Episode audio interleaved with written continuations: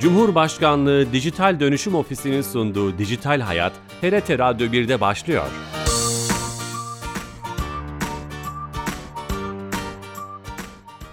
Herkese merhaba, ben Bilal Eren. Teknoloji ve dijitalleşmenin hayatlarımızı etkilerini ele aldığımız Dijital Hayat programımıza hoş geldiniz. Her cuma olduğu gibi TRT Radyo 1 stüdyolarından kulaklarınıza misafir olmaya devam ediyoruz. Bugün hem dünyamız hem de ülkemiz için büyük bir problem haline gelen biyo kaçakçılık sorununu konuşmak istedik. İlginç ve önemli bir konu. Konuğumuz Amasya Üniversitesi Fen Edebiyat Fakültesi Dekanı Profesör Doktor Duygu Kılıç hocamız olacak. Kendisi telefonla canlı yayımıza katılacak ama öncesinde her hafta olduğu gibi Dijital Türkiye ekibinden Ayşe Torun'a bağlanacağız. Ayşe Hanım telefon attığımızda. Ayşe Hanım. Bilal Bey iyi yayınlar. Hoş geldiniz yayınımıza. Teşekkür ederim. Bugün hayatımızı kolaylaştıran hizmetlerden hangisini anlatacaksınız? Bilal Bey bugün size e, yeni açılan ve çok kıymetli bir hizmetten bahsedeceğim.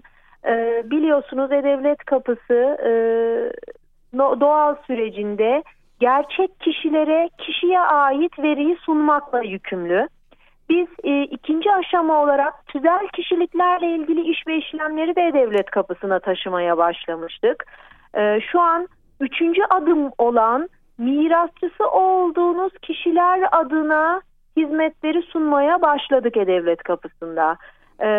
Yakınınızın vefat bilgisinin akabinde eğer mirasçı durumundaysanız ve bu mirasçılık durumunuz resmi kanallar aracılığıyla belgelendiyse yani noter ya da Adalet Bakanlığı aracılığıyla biz e, bu kurumlardan aldığımız servisler üzerinden artık kişilere mirasçısı olduğunuz kişi adına e, hizmet sunmaya başladık. Bunların başında da bugün tapu bilgileri sorgulama hizmeti yer alıyor.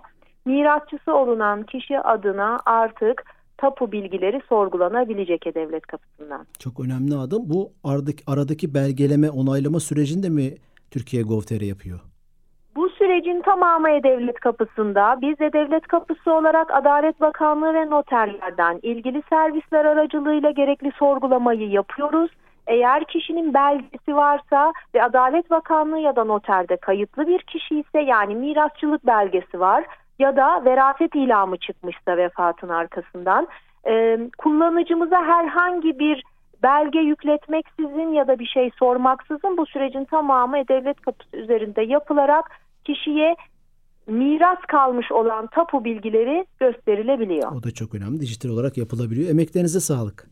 Biz teşekkür ediyoruz. İyi yayınlar diliyorum. Sağ olun. Teşekkür ederiz. Dijital Türkiye ekibinden yepyeni bir hizmeti Ayşe Torun'dan dinlemiş olduk. Yeni katılan dinleyicilerimiz vardır. Amasya Üniversitesi Fen Edebiyat Fakültesi Dekanı Profesör Duygu Kılıç hocamız canlı yayında. Duygu hocam. Merhabalar. Hocam şeref verdiniz. Hoş geldiniz. Hoş bulduk. Teşekkür ediyorum. O şeref bana ait. Sağ olun hocam. Ee, biyo kaçakçılık, biyo korsanlık konusunu konuşalım. Hiç bilmeyenler için nasıl bunu tanımlayabiliriz? Çerçevesini nasıl çizebiliriz? Şöyle tanımlayabiliriz. Herhalde e, şu an son zamanların en popüler konularından bir tanesi diyebiliriz. Yabani bitki ve hayvanların tohumlarının, parçalarının, kan veya dokularının yetkili kurumların izni alınmadan yabancılar tarafından doğadan toplanarak yurt dışına götürülmesine biyokaçakçılık diğer adıyla biyokorsanlık olarak tanımlıyoruz. Hı hı. Bunun e, e sebeplerinden veya motivasyonlarından birisi ticari bir kaygı mı? E, evet. Götürenler ticari, açısından. Hı hı. Kesinlikle ticari bir kaygı. Hal, hal, şöyle ki Hollanda'nın lale konusundaki ününü bilmeyen yoktur. Öyle değil mi? Doğru. Ee, ilk doğa kaçakçılığı yani ülkemizdeki ilk doğa kaçakçılığı vakası yaklaşık 550 yıl önce lale soğanlarının Hollanda'ya kaçırılmasıyla başlamış.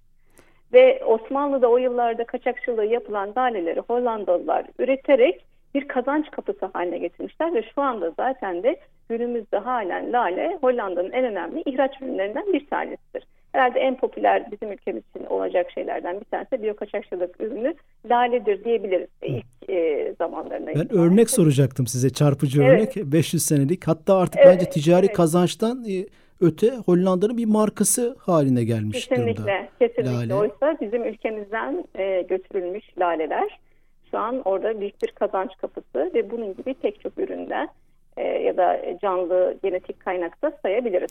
Şöyle e, ben bu program için konuya bakarken, araştırırken çok böyle provokatif bir başlık da gördüm. Biyosömürgecilik diye. Aslında evet. bu tanım uygun olur mu? Yani hiç evet, herhalde evet. E, ileri şiddetli bir eleştiri olmaz biyosömürgecilik. Yok olmaz. Kesinlikle olmaz. E, peki hocam bunun e, motivasyonunu e, da sormuş olduk. Hangi alanlarda e, e, bunu yapanlar? İlaç sektörü olur olabilir, işte güzellik e, sektörü. O alanları neler var? Şimdi biyokaçakçılığa maruz kalan canlı gruplarına şöyle bir baktığımız zaman daha çok endemik türleri tercih ediyor biyokaçakçılığı yapan kişiler. Endemik türler nedir? Sadece belli bir alanda yayılış gösterip dünyanın başka yerinde yayılış göstermeyen türler. Hı hı. Diğer bir e, rağbet ettikleri konuda görsel bakımdan özellikle türler. Hani güzellik, e, işte koleksiyoncular e, tarafından toplanan kelebek gibi türlerden bahsedebiliyoruz. Bir de kültür bitkilerinin yabani akrabaları. Özellikle buğday biliyorsunuz bizim ülkemizden e, gen merkezi bizim ülkemiz. Bizim hı hı. ülkemizden tüm dünyaya yayılıyor. Özellikle şu an Anadolu'da bile 23 tane yabani buğday türü var ve 400 tane de 400'den fazla da kültüre alınmış buğday çeşidinden bahsediyoruz biz. Yine ilaç, ham madde sektöründe kullanılan türler olabilir. İlaç ham maddesi, işte kozmetik alanında kullanılan türler olabilir. E, çiftlik hayvanlarının yabani akrabaları da kaçırılan canlı grupları arasında yer alıyor.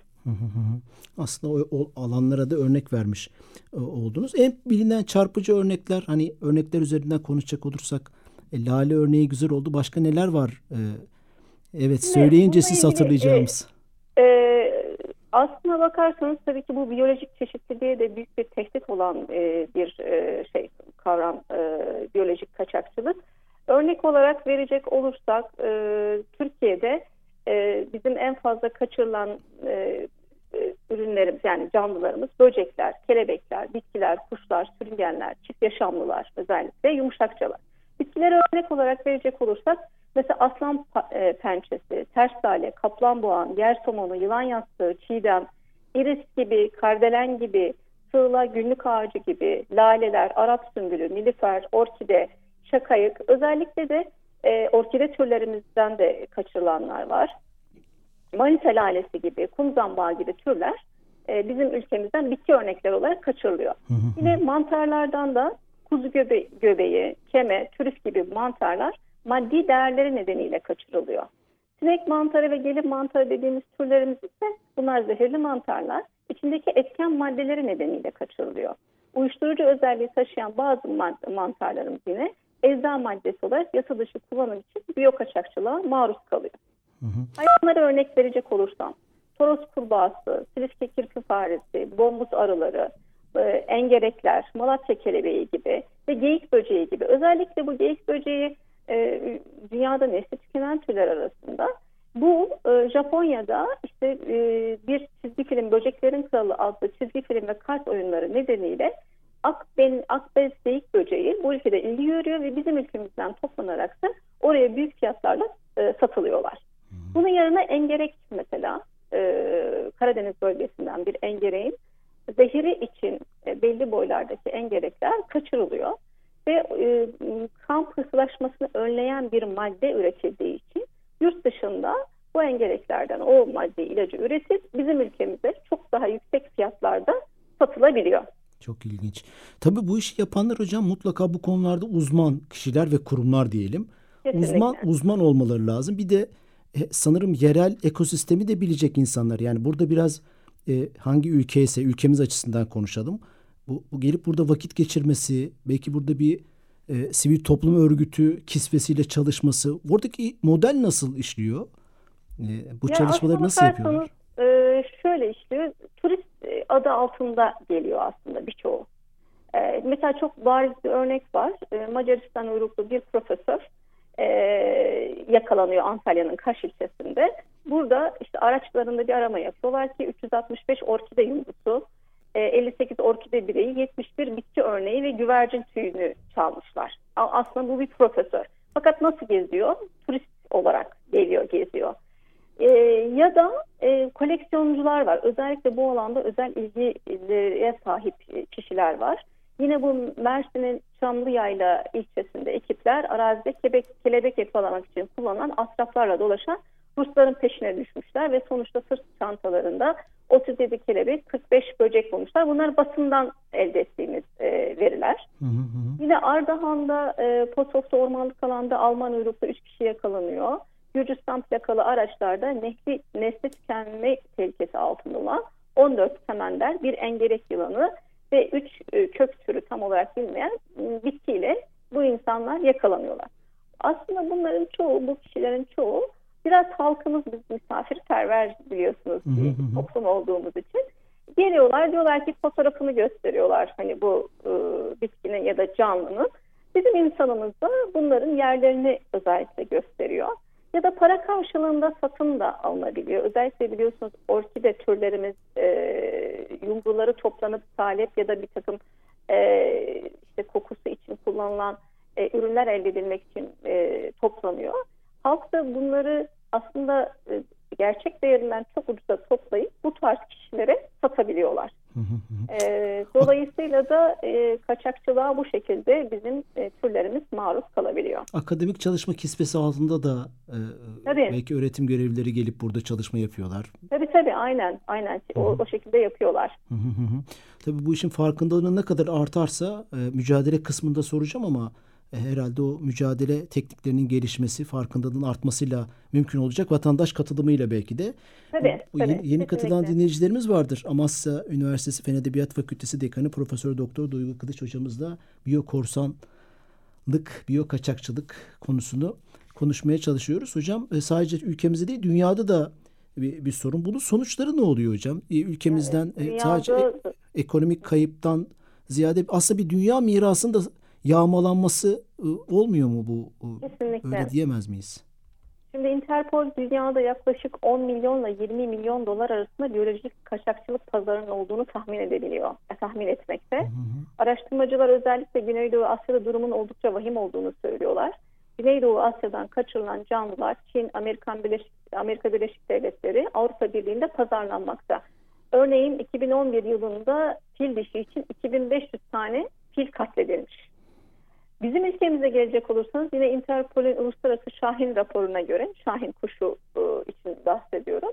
30 yılda Türkiye'den 100 bin tane canlı Şahin cilve gözü sınır kapısından Suriye'nin Halep şehrine kaçırılıyor. 100 bin adet. Evet. İnanılmaz rakam. Şahinlerin binlerce dolar karşılığında koleksiyonerlere satılıyor. Biliyorsunuz Arap ülkelerinde Şahin özellikle e, değerli bir kuş. Hocam Hatta çok büyük bir rakam 100 bin adet Evet çok yani. çok büyük bir rakam gerçekten. E, dolayısıyla da e, bu bizim e, genel olarak sonuçları neler olduğuna baktığımız zaman e, biz biyoçeşitlilik kaybına sebep oluyoruz. Biyoçeşitlilik nedir? Belli bir alandaki canlı çeşitliliğidir değil mi? Bizim ülkemizde e, biyoçeşitlilik açısından oldukça e, önemli ülkeler arasında yer alıyor.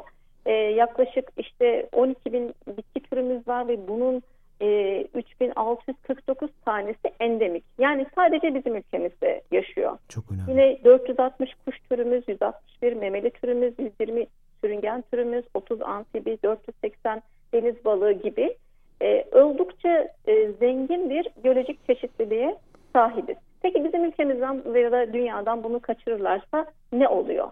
Bir kere bir birey sayısında azalma oluyor. Endemik türler zaten sadece belli alanlarda yaşayabiliyorlar. Siz bir endemik türü alıp başka bir yerde yetiştirmek istediğiniz zaman o koşulları sağladığınız zaman ancak yetişebilir. Ama siz geliyor bir e, biyo kaçakçı e, kişi dağın sadece bir yamacında yetişmiş endemik türlerin ta- tamamını toplayıp götürüyor. Dolayısıyla ne oldu? Bir tür kaybına sebep olduk. E, bir ekosistemin o, e, biliyorsunuz ekosistemler bir denge e, Doğru. halinde devam ederler. E, Siz o türü kaybettiğiniz zaman ekosistemin dengesini Başka bir şey bozuluyor belki değil mi? oluyor. Tabii ki çünkü ekosistemde her bireyin kendine ait özel bir görevi, niş, niş diyoruz biz biyologlar buna. Kendine ait bir nişi var. Siz o bireyi oradan kaldırdığınız zaman ekosistemi de tahrip, tahrip etmiş oluyorsunuz. Dolayısıyla da biyoçeşitlilik kaybına neden olabiliyorsunuz. Hı hı hı.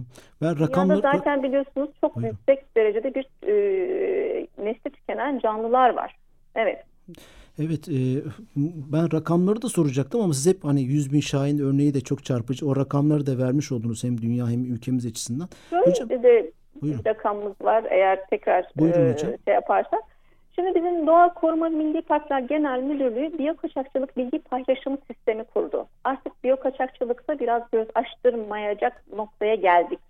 Ee, özellikle 2007 yılından itibaren bu biyokaçakçılık bilgi paylaşım sistemi nerede e, ne kadar işlem yapıldığını bu sisteme kaydediyor ve görebiliyor. Biz görebiliyor muyuz? Vatandaşlar görebiliyor Evet, mu göre de görebiliyor. O bir- Vatandaşlar bir, bir, da bir- görebiliyor. bir web sitesi mi hocam bu? Tekrar Evet evet miyiz? evet bir web sitesi Tamam. biyokaçakçılık bilgi paylaşım sitesi. Tamam. Mesela e, Tarım Orman Bakanlığı verilerine göre 2007 yılından bugüne kadar 22 yılda top, ilde toplam 73 olayda 20 ülkeden 136 kişiye biyoçeşitliğe zarar verdiği gerekçesiyle 4 milyon lira idari para cezası uygulanmış. Yalnız tabii bunlar yakalananlar. Peki yakalanmayanlar e, da oldukça fazladır diye düşünüyoruz. Mesela 2011 yılında 21 adet, 2012 yılında 11 adet.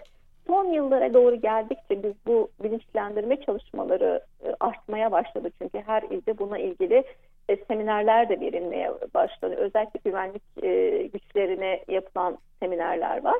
Mesela e, 2021 yılda yılında 2 adet, 2020'de 1 adet gibi gittikçe azalan cezalar ya da yakalanmalar söz konusu.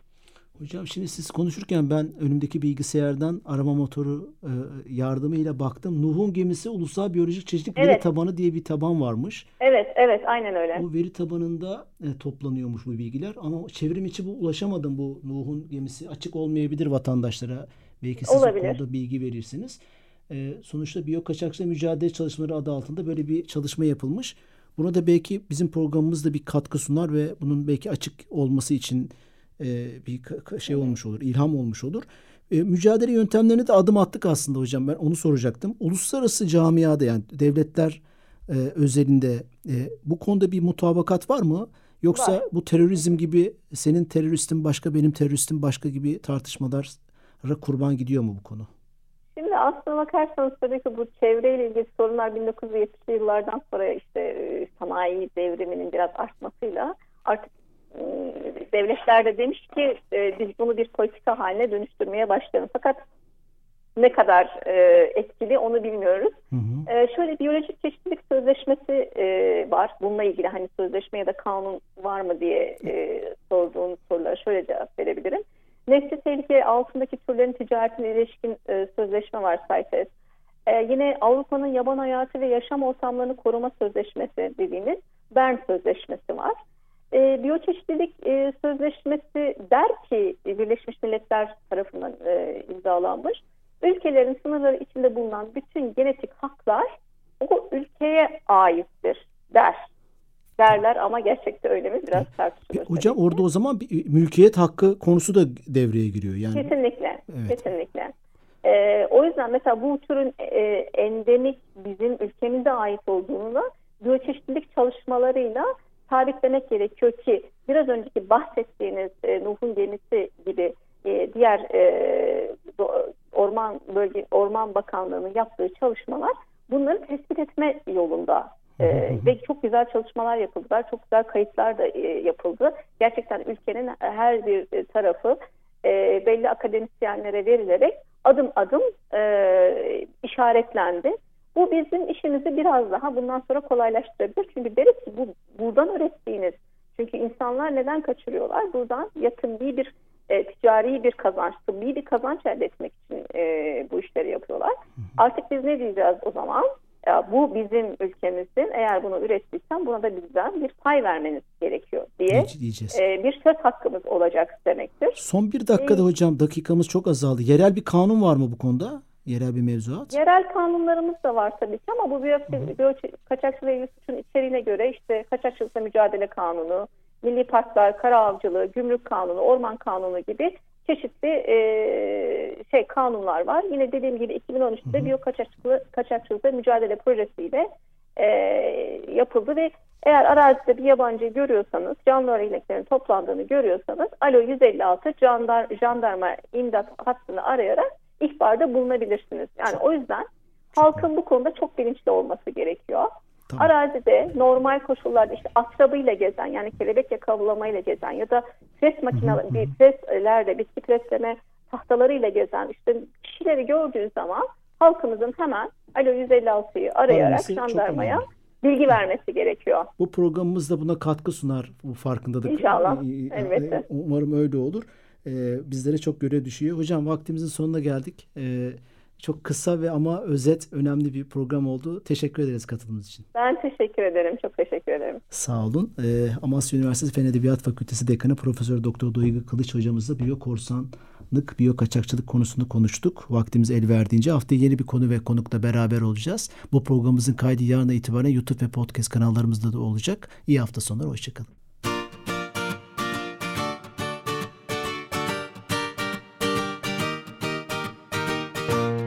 Cumhurbaşkanlığı Dijital Dönüşüm Ofisi'nin sunduğu Dijital Hayat, TRT Radyo 1'de sona erdi.